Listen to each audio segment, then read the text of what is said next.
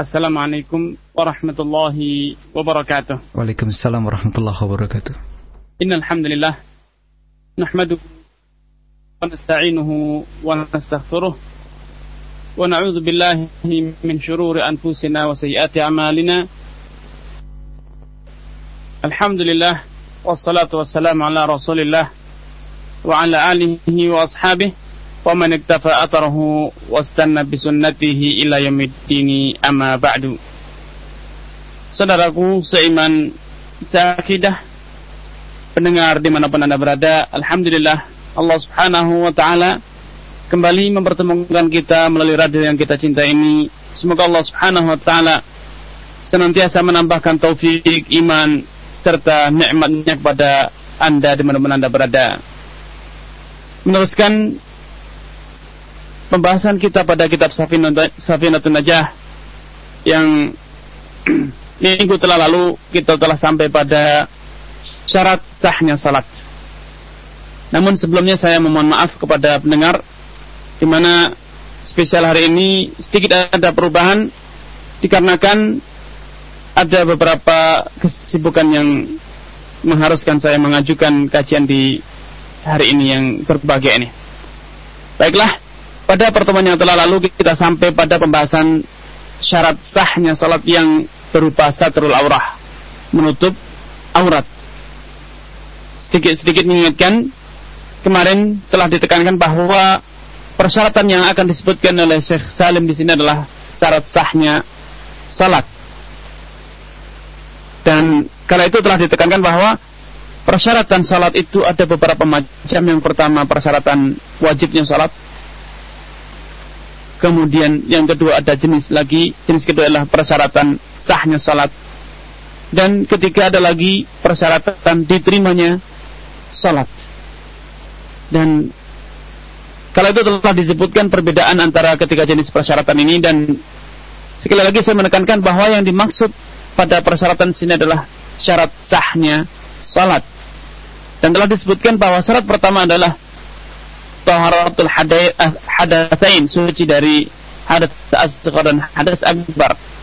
Kemudian syarat yang kedua suci dari najis baik pada pakaian Anda, badan Anda dan tempat yang akan Anda gunakan untuk mendirikan salat. Dan yang ketiga syarat sahnya salat yang ketiga ialah satrul aurah. Anda menutup aurat Anda.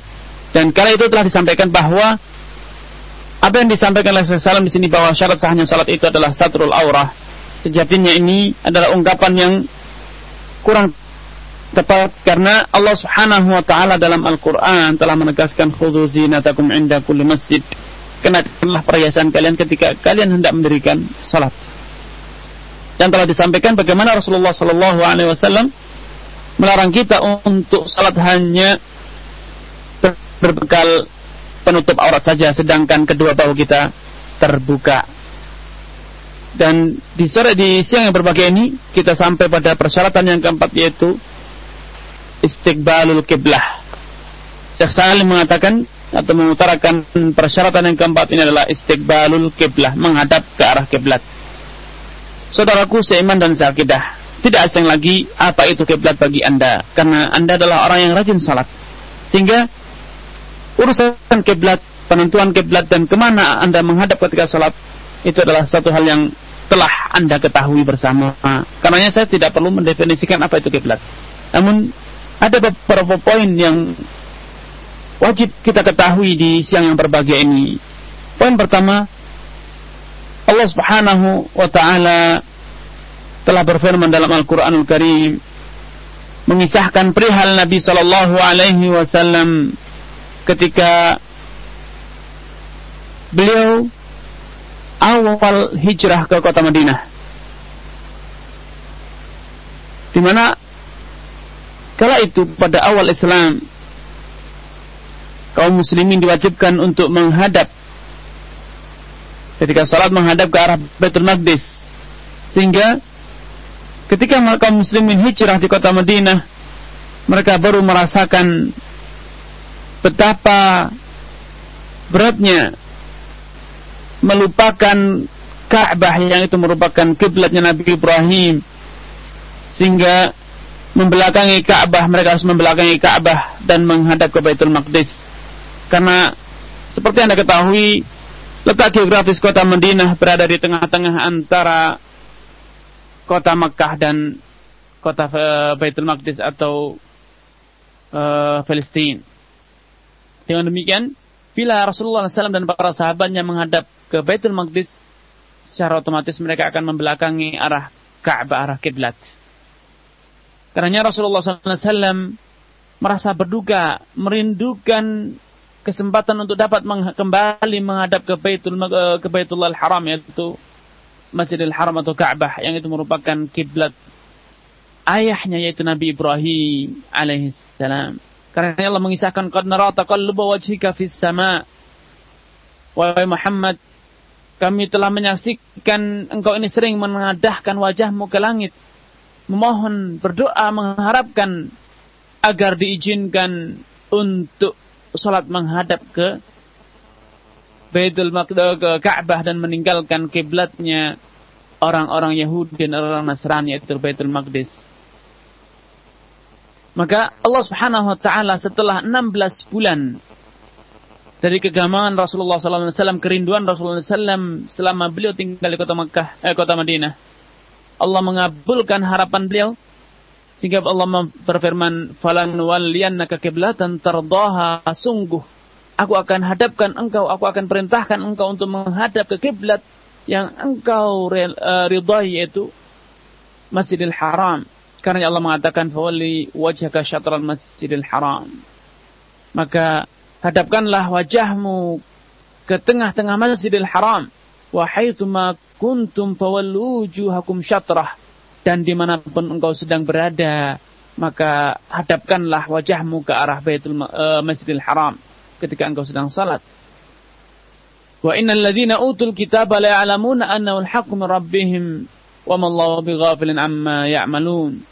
Kemudian Allah Subhanahu wa taala mengisyaratkan perilaku orang Yahudi dan Nasrani yang merasa keheranan atas perubahan kiblat ini dari Baitul Maqdis menjadi ke Ka'bah.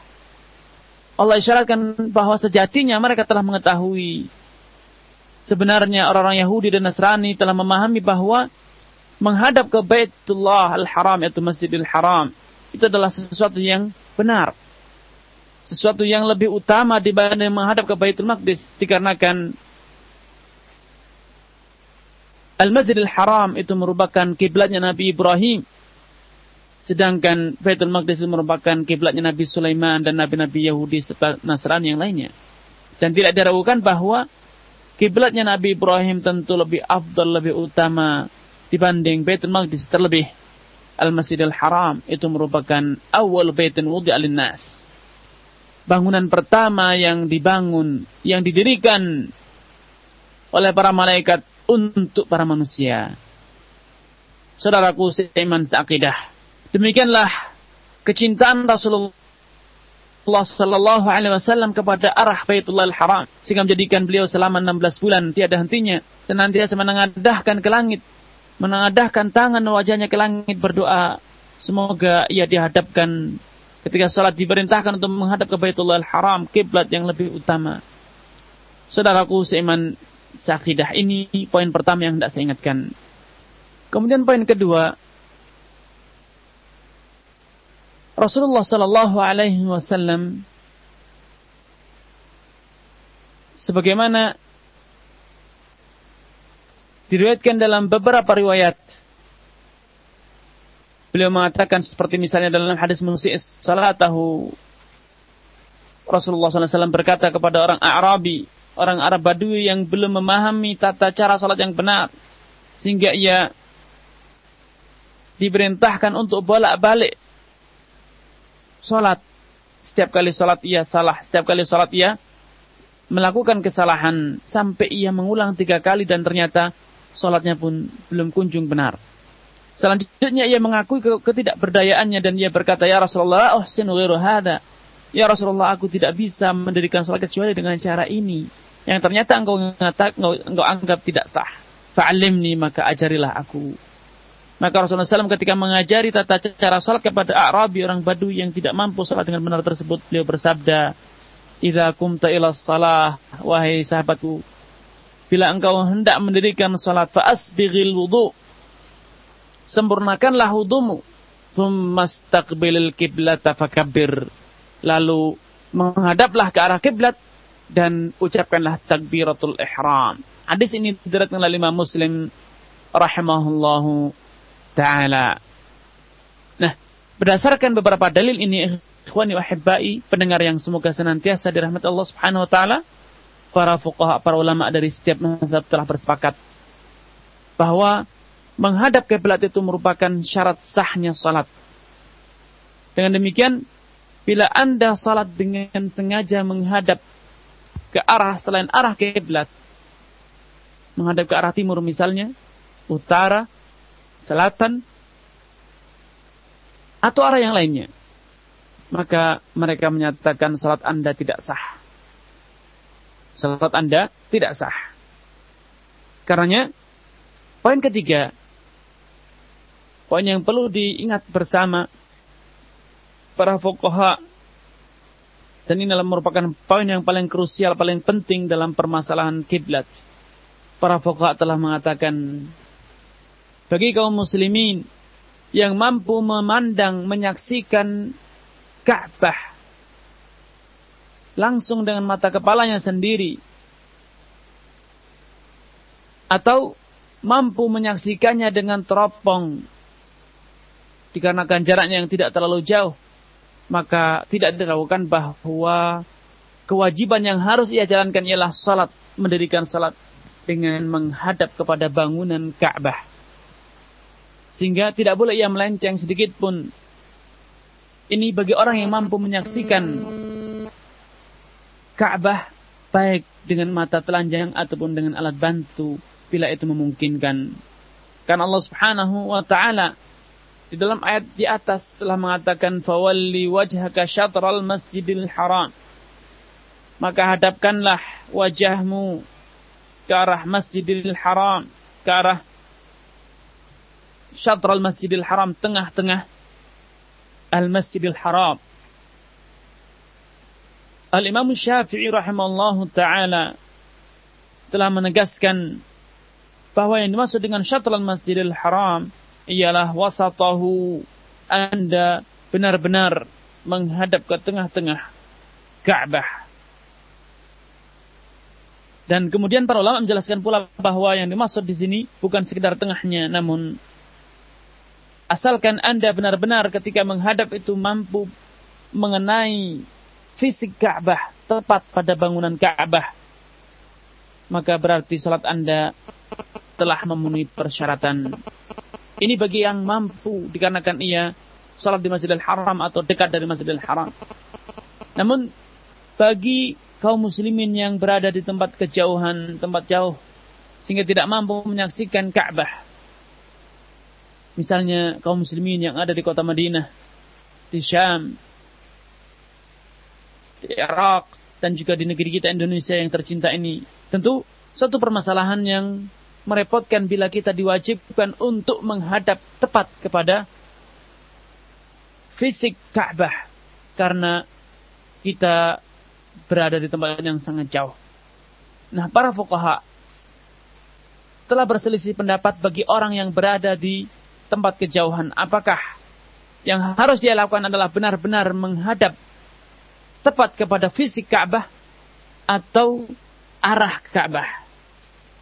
Dan pendapat yang benar dalam hal ini ikhwan wahibbai dari berbagai dalil yang diutarakan oleh para fuqaha pendapat yang lebih tepat, lebih kuat ialah pendapat yang mengatakan bahwa benar yang wajib Anda lakukan ketika Anda berada di tempat jauh dari Ka'bah ialah Anda menghadap kepada arah Ka'bah. Walaupun bila kemudian ditarik garis lurus dari tempat Anda berdiri ke kota Makkah mungkin garis lurus tersebut tidak tepat mengenai fisik Ka'bah namun berada di sekitarnya di kanan kirinya. Selama itu sejajar dengan posisi Ka'bah maka itu telah dianggap sah. Itulah yang dimaksud dengan kewajiban Anda ketika Anda berada di tempat jauh Anda mengenai arah Ka'bah dan bukan fisiknya Ka'bah. Hal ini, pendapat ini saudaraku, seiman dan seakidah, pendengar yang semoga senantiasa dirahmati Allah Subhanahu wa taala. Berdasarkan hadis Abi Hurairah radhiyallahu taala anhu, anna Nabi sallallahu alaihi wasallam qaal bahwasanya Rasulullah sallallahu alaihi wasallam telah bersabda, "Ma bainal masyriqi wal maghribi qiblah." Beliau menjelaskan arah kiblat kepada penduduk Madinah.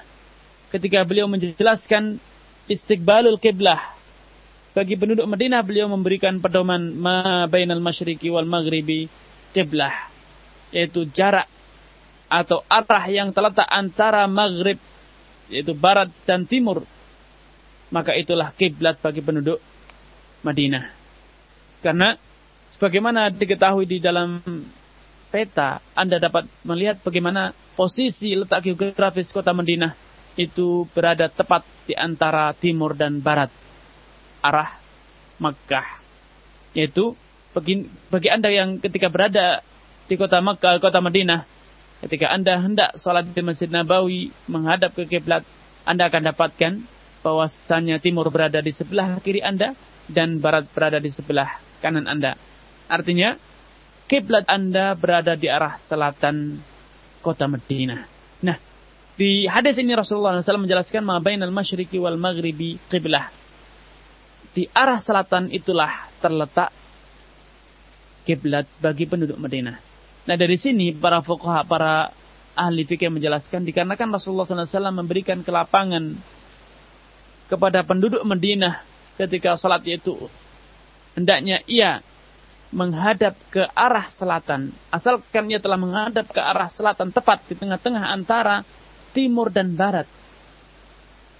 Berarti ia telah menghadap kiblat walaupun bila ditarik garis lurus ia tidak akan mengenai fisik Ka'bah tidak masalah karenanya para ulama mengatakan dan ini merupakan madhab syafi'i menyatakan bahwa yang wajib dilakukan oleh orang yang berada di tempat kejauhan dari Ka'bah ialah ia menghadap ke arah Ka'bah walaupun tidak tepat mengenai kalau ditarik garis lurus tidak tepat mengenai fisiknya Ka'bah.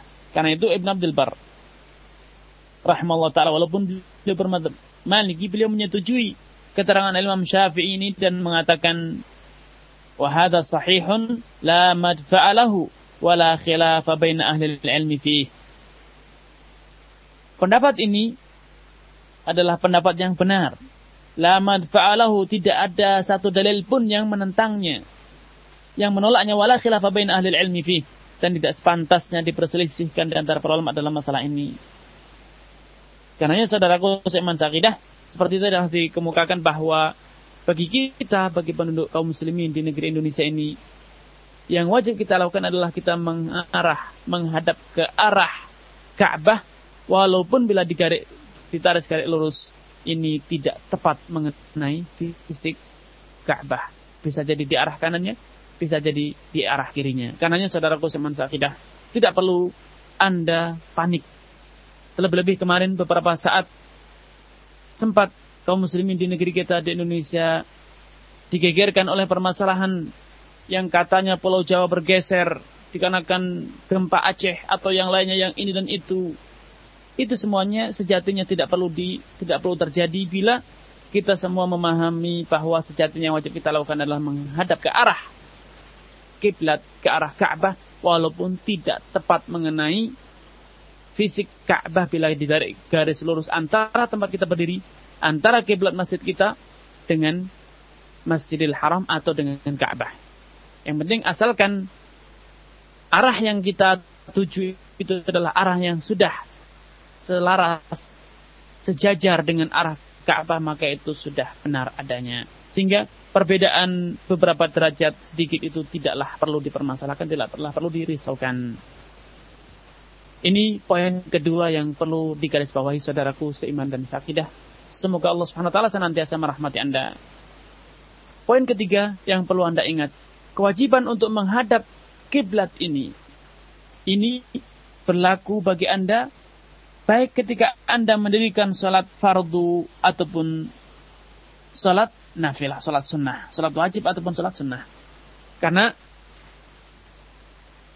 sabda Rasulullah Sallallahu Alaihi Wasallam yang diucapkan kepada al-musi salat orang Arabi yang belum mampu mendirikan salat dengan benar tadi ialah sabda yang ditujukan ketika yang berkenaan dengan salat sunnah yaitu salat tahiyatul masjid. Ketika Arabi terus masuk masjid dan salat dua rakaat namun ternyata ia sholatnya tidak benar. Dan kemudian Rasulullah SAW ajarkan kepadanya bahwa ketika sholat hendaknya dia menyempurnakan wudhu dan selanjutnya berdiri tegak menghadap ke arah kiblatum mustaqbilil kiblah. Ini hadis ini sebab urutnya ialah kronologinya ialah disampaikan Rasulullah SAW ketika ada sahabatnya yang tidak mampu mendirikan sholat sunnah dengan benar. Ini bukti nyata bahwa kewajiban menghadap kiblat itu bukan hanya berlaku pada sholat fardu namun juga berlaku pada sholat sunnah. Kemudian pada poin keempat yang perlu diingatkan berkaitan dengan istiqbalul kiblah menghadap ke arah kiblat. Kewajiban menghadap kiblat ini berlaku bagi Anda bila Anda sedang sholat di kampung halaman atau sedang sholat di e, masjid. Adapun bagi Anda yang sedang safar, sedang mengendarai kendaraan onta, kuda, mobil, kereta, perahu atau yang serupa. Bila Anda hendak mendirikan sholat sunnah ketika safar, maka ada keringanan bagi Anda, yaitu keringanan berupa Anda menghadap kiblat ketika takbiratul ihram. Namun selanjutnya setelah Anda kembali melanjutkan perjalanan dan sholat sambil menunggang kendaraan atau sambil menyupir mobil, Anda sholat sunnah. Ini dibolehkan. Dan walaupun kemudian arah laju mobil Anda tidak menghadap ke kiblat, tidak masalah. Asalkan ketika Anda mengucapkan takbiratul ihram, Anda telah menghadap ke arah kiblat. Baik ketika Anda itu dengan menghentikan kendaraan sejenak di lampu merah atau menepi di pinggir jalan, kemudian Anda mengarah ke kiblat, dan kemudian selanjutnya Anda melanjutkan perjalanan dan melanjutkan mengemudi kendaraan Anda ini tidak masalah. Salat sunnah boleh. Asalkan ketika takbiratul ihram Anda telah terlebih dahulu menghadap kiblat. Adapun selanjutnya ketika rakaat pertama, kedua dan seterusnya Anda menghadap ke timur, ke selatan, ke barat itu tidak masalah. Ini adalah kemurahan Allah Subhanahu wa taala kepada Anda agar Anda mampu memanfaatkan waktu semaksimal mungkin, tidak ada alasan bagi Anda untuk tidak mendirikan salat sunnah. Karena walaupun Anda sedang mengendarai kendaraan, Anda sedang mengendarai kuda, mengendarai pesawat, atau berada di atas kereta atau di atas mobil Anda, Anda bisa mendirikan salat sunnah dengan isyarat, dengan mengerdipkan mata atau menundukkan kepala sedikit. Ini dapat menjalankan salat sunnah. Adapun salat fardu ketika safar, maka jumhur ulama dan inilah pendapat yang rajih mengatakan tidak ada alasan bagi Anda untuk tidak menghadap kiblat. Karena ketika salat fardu tidak ada rukhsah, tidak ada keringan bagi Anda untuk salat di atas kendaraan dan tan dengan tanpa menghadap kiblat. Namun bila Anda di atas perahu atau di atas kereta atau di atas pesawat, maka Anda wajib menghadap ke arah kiblat. Tidak benar sebagaimana yang sering saya saksikan di kereta ataupun di di bis atau yang lainnya orang sholat fardu namun ia menghadap ke arah selain kiblat. Harusnya idealnya yang benar kalau memang ia mampu sholat ketika kendaraan sedang istirahat bis sedang istirahat berhenti makan di rumah makan misalnya atau sedang mengisi bensin Anda bisa minta izin dari pengendara kendaraan untuk sesaat mendirikan sholat atau Bila tidak, bila Anda sedang menarik kereta atau pesawat atau kapal, maka Anda dengan mudah sholat sambil berdiri dan tetap menghadap ke arah kiblat. Ini dalam sholat fardu. Jadi dalam sholat fardu tidak ada keringanan untuk tidak menghadap ke kiblat.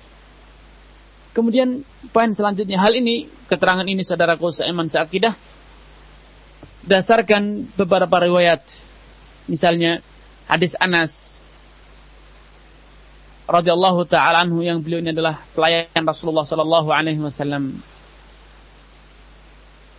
Beliau mengatakan annahu kan anna Nabi sallallahu alaihi wasallam dahulu Nabi sallallahu alaihi wasallam yusalli ala rahilatihi terbiasa salat dengan sambil mengendarai kendaraannya yaitu ontanya atau kudanya di safar ketika beliau sedang safar haitsuma tawajjat taw haitsuma tawajjahat bihi ke mana pun arah perjalanan beliau dan di lain dinyatakan ghairu annahu la yusalli alaiha al-maktubah hanya saja Rasulullah SAW tidak pernah mendirikan salat fardu ketika beliau sedang mengendarai kendaraannya. Ketika salat fardu beliau senantiasa menempatkan diri untuk turun berhenti sejenak dan salat dengan sempurna. Ini poin keempat. Poin keempat. Kemudian poin selanjutnya ikhwani wa yang perlu Anda perhatikan ketika sedang dalam kondisi genting dalam peperangan atau Anda yang berprofesi sebagai petugas pemadam kebakaran. Di saat dalam kondisi genting Anda harus bertugas memadamkan kebakaran padahal ternyata kebakaran membutuh, memadamkan kebakaran membutuhkan waktu yang lama. Anda tidak bisa menjamak takhir atau menjamak takdim karena memang misalnya salat asar kebakaran terjadi setelah salat duhur dan ternyata kebakaran begitu hebat sehingga waktu asar akan berlalu begitu saja sehingga Anda tidak memungkinkan untuk menunda salat karena khawatir waktunya akan berlalu. Atau Anda tidak juga memungkinkan untuk menghentikan proses pemadam kebakaran maka dibolehkan bagi Anda untuk salat sambil dengan isyarat sambil berdiri sambil memadamkan kebakaran dan tentunya semuanya dengan dilaksanakan dengan isyarat. Atau ketika Anda sedang sebagai seorang tentara yang sedang bertugas, pasukan perang yang sedang bertugas dalam kondisi genting, dalam kondisi peperangan, maka Anda boleh mendirikan sholat sambil berlari, sambil berdiri, dan sambil tiarap atau dengan cara apa saja, semuanya Anda lakukan dengan isyarat. Baik Anda mampu menghadap kiblat ataupun tidak. Baik Anda mampu menghadap kiblat ataupun tidak. Dalam kondisi seperti ini, dalam kondisi genting ini, anda dibenarkan untuk sholat tanpa menghadap kiblat. Sebagaimana yang Allah tegaskan, "Fa'in khiftum farijalan aw Bila kalian sedang dalam kondisi ketakutan, dalam kondisi genting dalam peperangan, farijalan aw maka Anda boleh mendirikan salat farijalan sambil berlari, aw atau sambil mengendarai kendaraan Ditafsirkan oleh Abdullah bin Umar radhiyallahu taala anhu ayat ini dijelaskan oleh sahabat Abdullah bin Umar ketika beliau menjelaskan tentang tata cara salat khauf. Beliau mengatakan fa in kana khaufun ashaddu min dzalika sallu sallau rijalan ala aqdamihim bila terjadi kondisi peperangan yang sedang berkecamuk. Maka para sahabat dahulu sallau rijalan ala aqdamihim. Mereka mendirikan salat sambil berlari. Arubana atau sambil mengendarai kendaraannya. Mustaqbilil kiblah ghairu mustaqbiliha. Baik dengan menghadap kiblat ataupun tanpa menghadap kiblat. Kemudian Nafi' Maula Abdullah bin Umar murid dan budak Abdullah bin Umar menjelaskan la arabna Umar dzakara dzalika illa anin Nabi sallallahu alaihi wasallam kata beliau menurut pendapatku sepengetahuanku Abdullah bin Umar menjelaskan ini berdasarkan riwayat langsung dari Rasulullah Sallallahu Alaihi Wasallam. Dan ada satu kisah unik yang pernah terjadi di zaman Rasulullah Sallallahu Alaihi Wasallam.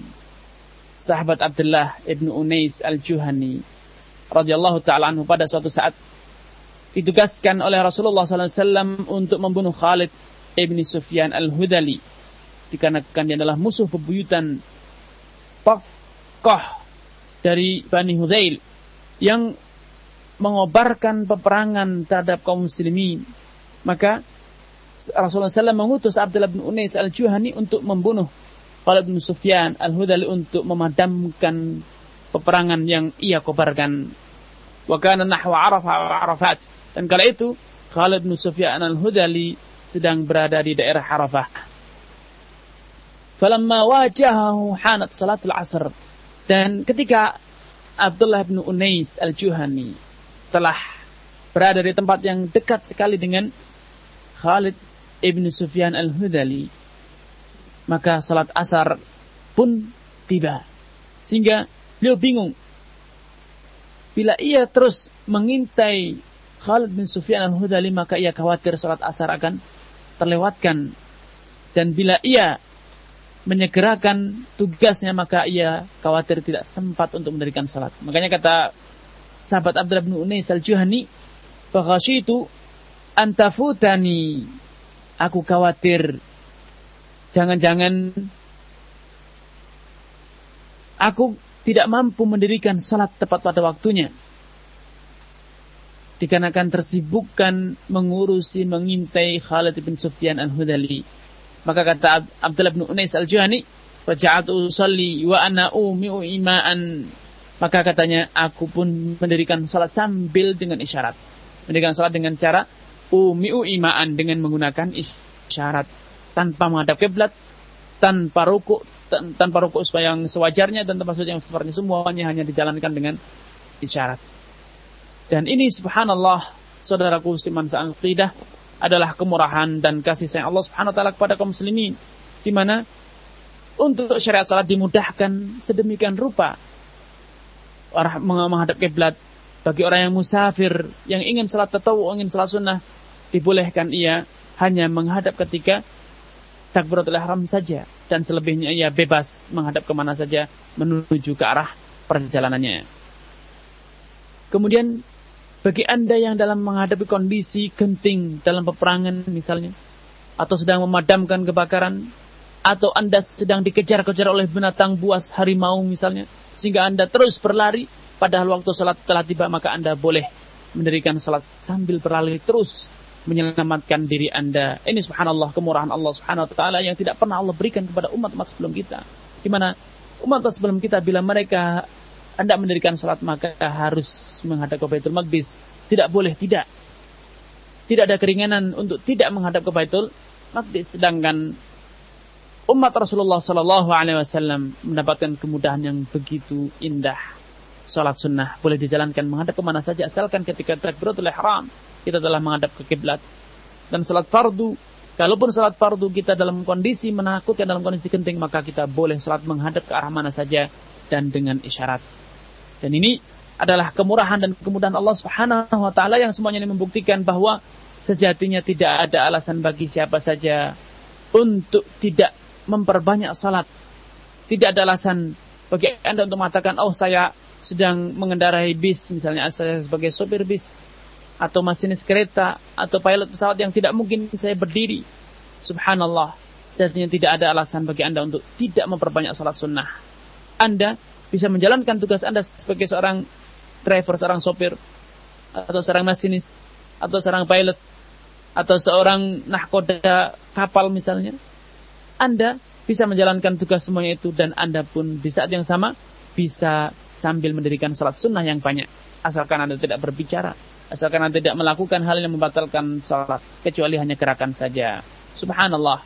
Tentu ini adalah kemurahan Tentu ini adalah kemudahan yang patut kita syukur dan kita manfaatkan untuk memperbanyak ibadah kita terlebih-lebih pada bulan Ramadan yang bulan ini merupakan syahrul amal.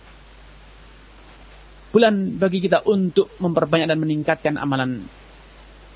Selanjutnya, saudaraku seiman sakidah, Syekh Salim Ibnu Sumair Al-Hadrami rahimahullah taala menjelaskan syarat yang kelima dengan berkata waduhulul waqt. Syarat sahnya salat yang kelima ialah telah tiba waktunya. Hal ini berdasarkan firman Allah Subhanahu wa taala. Allah berfirman, "Inna salata kanat 'alal mu'minina kitaban mawquta." Sejatinya salat itu diwajibkan atas umat mukminin orang yang beriman kitaban mawquta sebagai kewajiban yang telah ditentukan waktu-waktunya. Dan penentuan waktu salat ikhwan wa ahibba'i salat lima waktu telah dijelaskan oleh Rasulullah SAW dan sebelumnya telah dijelaskan oleh malaikat Jibril di pagi hari ketika Rasulullah SAW menerima wahyu yaitu kepada malam Isra Mi'raj menerima wahyu untuk mendirikan lima waktu salat malaikat Jibril di pagi harinya turun ke dunia untuk mengajarkan memimpin Rasulullah SAW dan kaum muslimin untuk mendirikan salat menjelaskan waktu-waktu salat. Dan saya yakin masalah waktu salat ini bukanlah hal yang asing lagi bagi Anda. Karena Anda adalah orang yang rajin salat. Sehingga Anda tahu kapan Anda mendirikan salat duhur. Dan kapan Anda mendirikan waktu asar, waktu maghrib, eh, kapan Anda harus mendirikan salat isya dan subuh. Namun ada beberapa poin penting yang perlu dipahami. Poin pertama saudaraku seiman seakidah. Para ulama telah membagi waktu salat menjadi waktu tiga waktu waktu mubah maaf waktu afdal kemudian waktu mubah dan waktu makruh waktu afdal ialah awal waktu salat afdalul a'mali as-salatu ala awqatiha atau awal waktiha Rasulullah SAW ditanya tentang ayul a'mali afdal amal apakah yang paling utama di Allah Subhanahu wa taala? Beliau menjawab menjawab, menjawab as-salatu ala waktiha, salat tepat pada waktunya. Dan pada hadis lain Rasulullah menjawab dengan mengatakan as-salatu awwala waktiha. Amalan yang paling afdal adalah as-salah, mendirikan salat pada awal waktunya. Saudaraku seiman seakidah.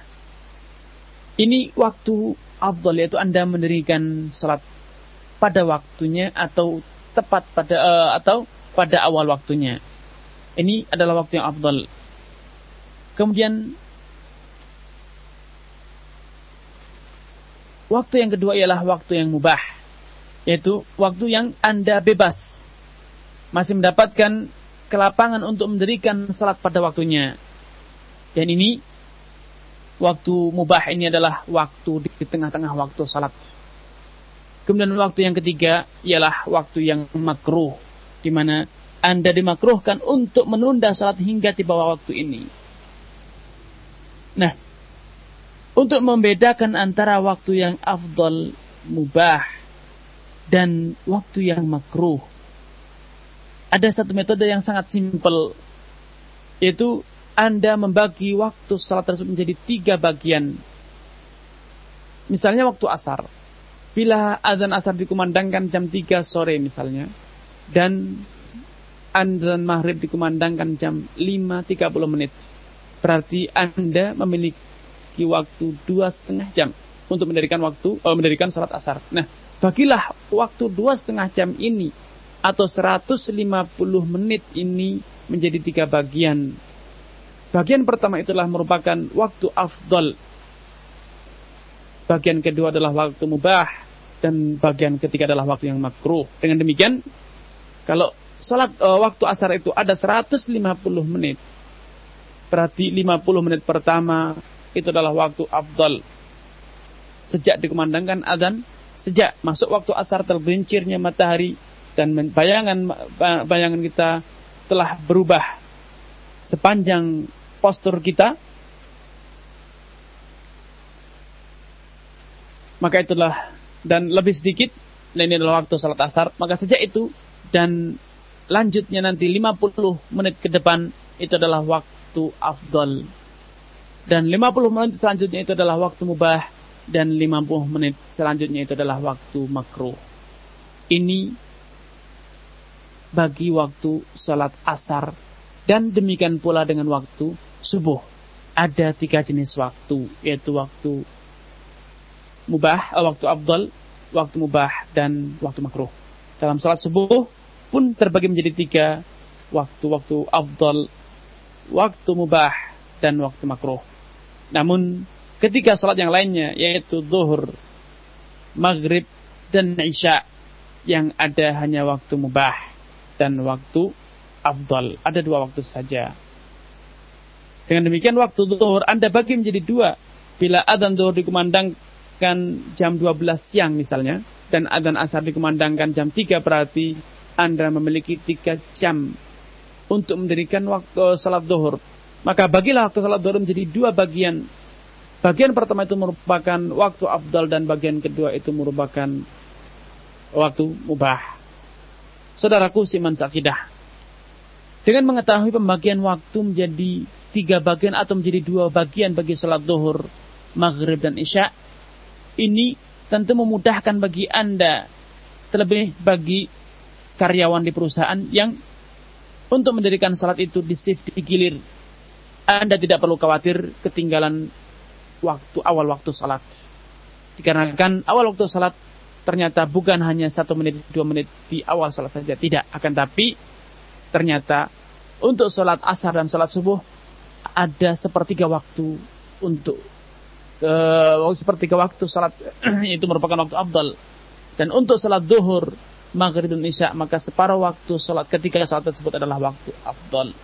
Tentu ini adalah peluang bagi Anda untuk bisa menjalankan salat pada waktu yang afdal. Walaupun kembali lagi saya tekankan bila Anda tidak mampu mendirikan salat di waktu yang afdal namun Anda mampu menjalankannya di waktu yang mubah yaitu pada waktu yang kedua setelah perlalunya waktu afdal maka Anda tidak masalah, tidak berdosa.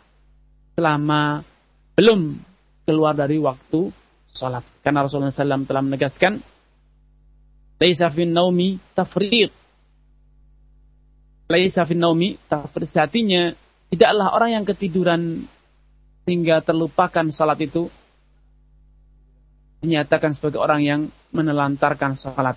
Akan tetapi, orang yang dianggap sebagai orang yang telah melantarkan sholat ialah orang yang dengan sengaja menunda sholatnya hingga tiba waktu sholat selanjutnya.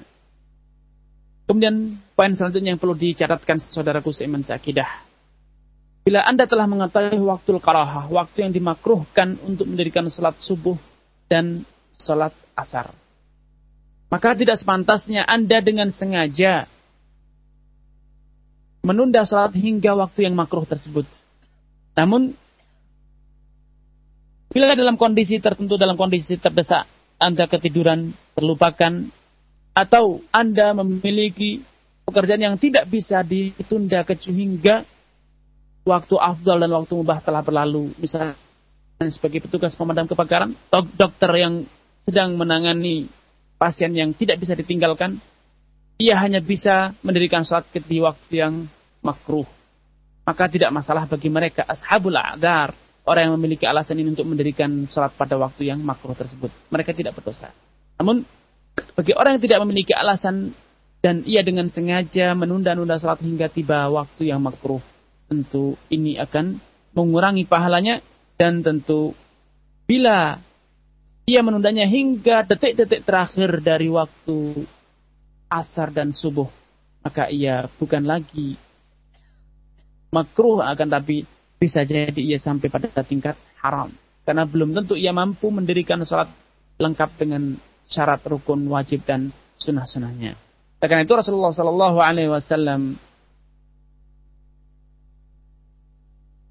memberikan peringatan pada umatnya, pada orang-orang yang hobi menunda salat hingga akhir waktu salat asar dan hingga waktu, akhir waktu salat subuh beliau mengatakan tilka salatul munafik. Itulah salatnya orang-orang munafik yang suka menunda-nunda salat malas untuk mendirikan salat. Ya jelisu yarkubus syams. Ia lebih suka untuk duduk berleha-leha menantikan terbenamnya matahari atau terbitnya matahari hingga bila matahari telah berada di antara kedua tanduk setan maksudnya sesaat lagi matahari akan terbenam. Atau sesaat lagi matahari akan terbit. Qama fa naqaraha arba'an la yadhkurullah fiha illa qalila. Orang munafik itu biasanya segera bergegas mendirikan salat asar. Empat rakaat. Fa naqaraha ia salatnya bagaikan burung yang mematuk makanan ayam yang mematuk makanan cepat sekali. Rukuknya sujudnya la yadhkurullah fiha illa qalila. Mereka tidaklah mengingat Allah di dalam salatnya kecuali hanyalah sedikit sekali dengan demikian saya katakan, saya garis bawahi bahwa mengakhirkan salat dengan sengaja hingga waktu makruh ini adalah sesuatu yang tercela dan itu merupakan indikator adanya sifat nifak. Adanya penyakit kemunafikan dalam diri kita.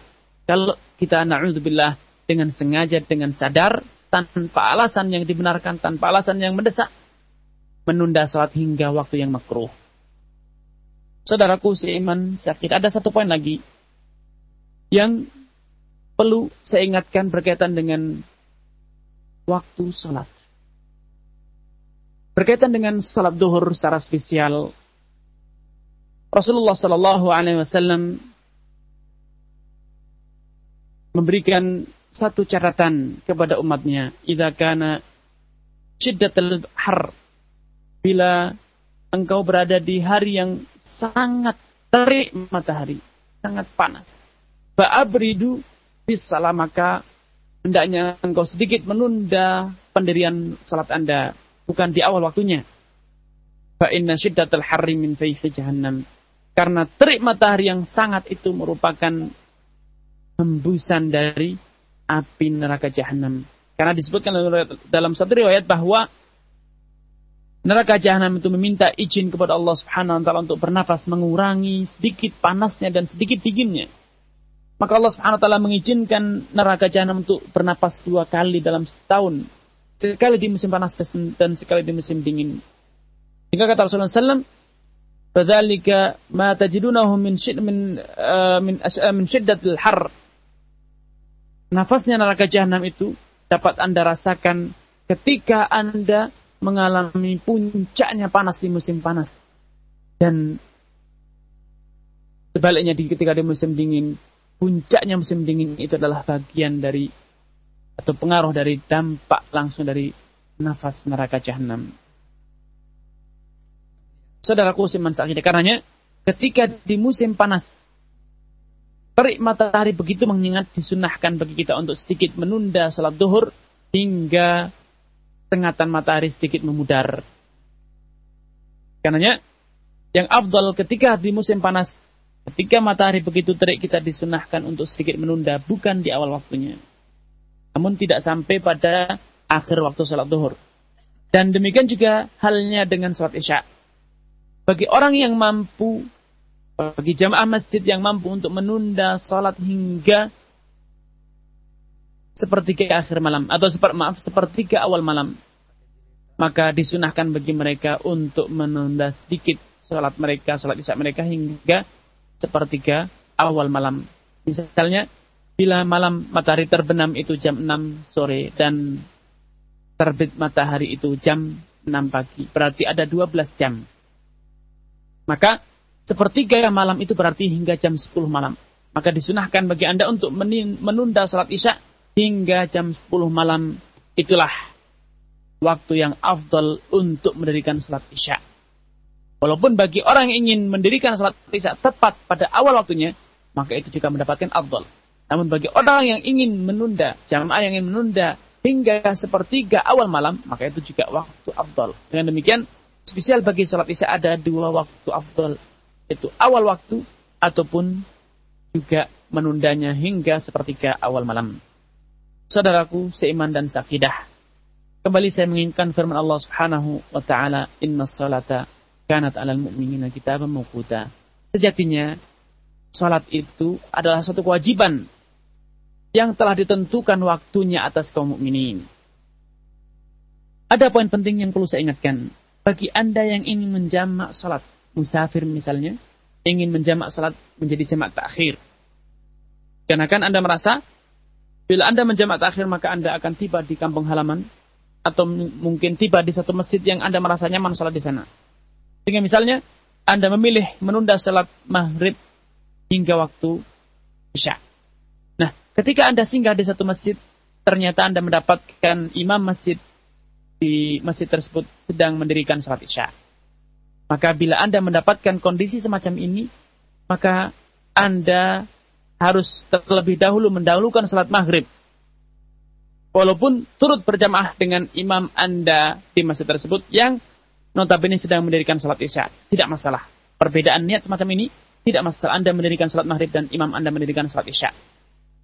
Namun ketika Anda telah sholat tiga rakaat, maka Anda memiliki dua pilihan. Anda memisahkan diri dari jamaah bersama imam, sehingga ketika imam berdiri pada rakaat ketiga Anda rakaat ke keempat, Anda duduk tahiyat dan kemudian salam sendiri. Dengan demikian Anda memisahkan diri dari jamaah, dan ini tidak masalah seperti itu. Atau yang kedua, Anda duduk tahiyat sambil menantikan imam menyelesaikan rakaat keempat. dan bila imamnya telah menyelesaikan rakaat keempat kemudian duduk tasyahud, Anda kemudian salam bersama imam. Ketika imam salam, Anda pun salam setelahnya. Ini dua pilihan. Dengan demikian, ketika kita menjalankan sholat jamak, maka kita harus memperhatikan urutan sholat kita. Sholat maghrib sebelum sholat isya. Sholat duhur sebelum sholat asar. Tidak boleh dibalik.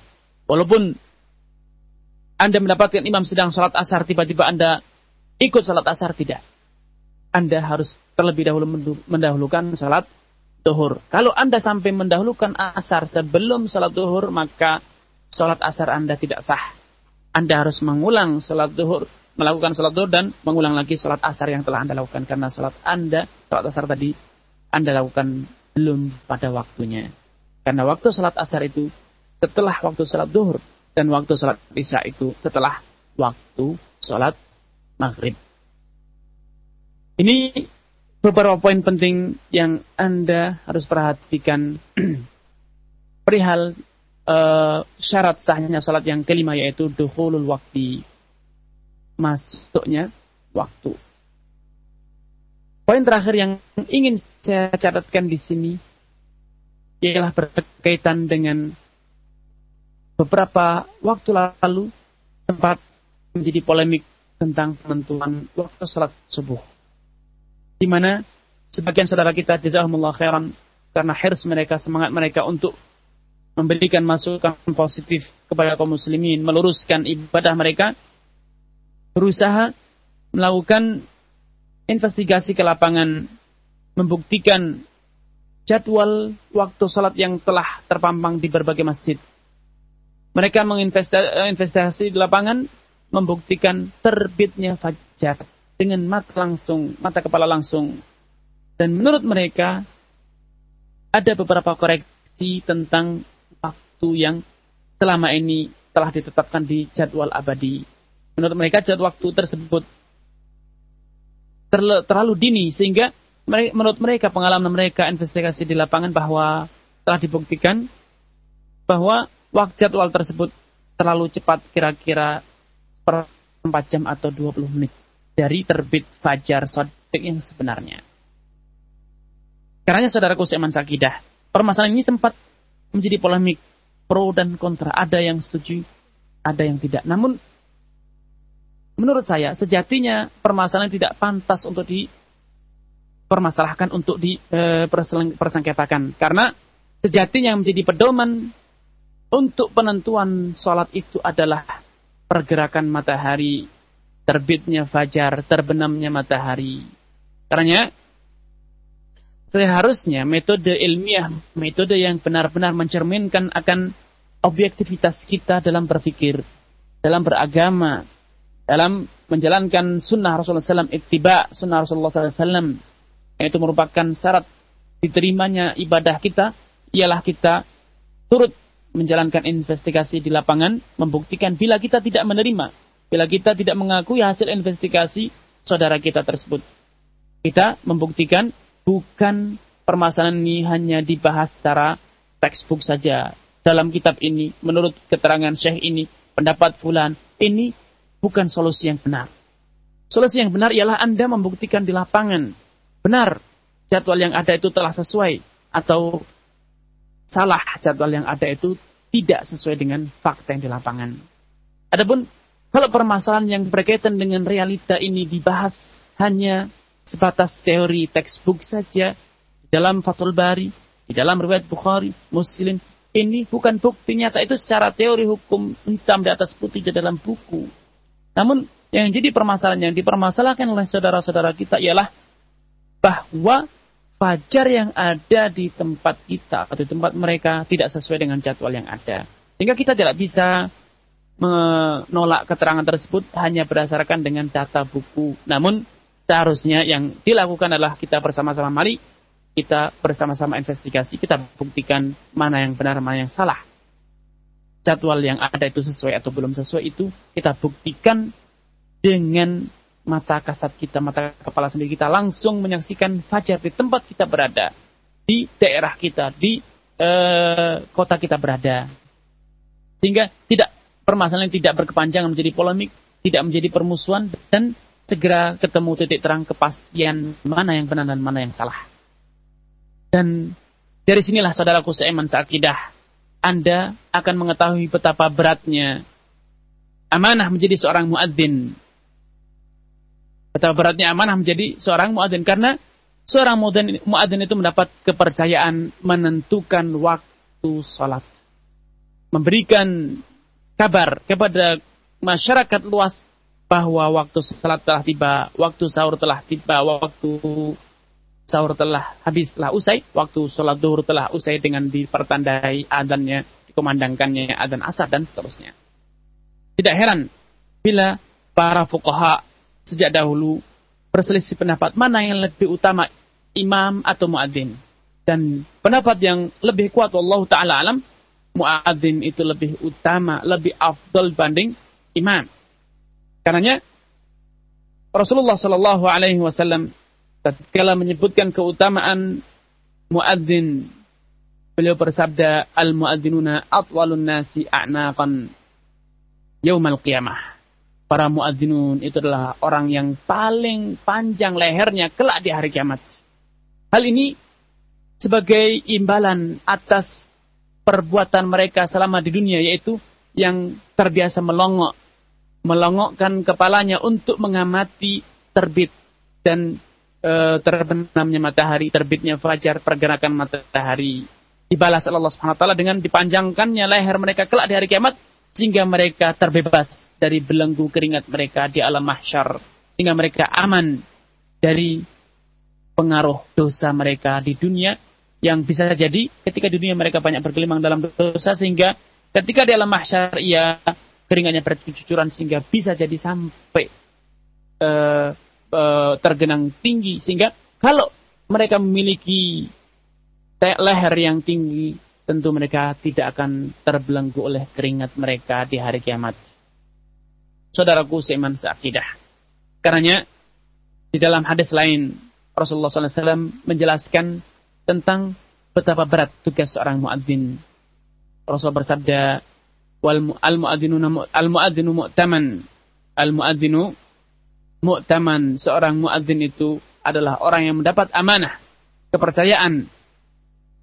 Mu'taman kepercayaan untuk mengawasi, untuk menentukan waktu-waktu salat. Al-muadzinu mu'taman wal imamu dhamin.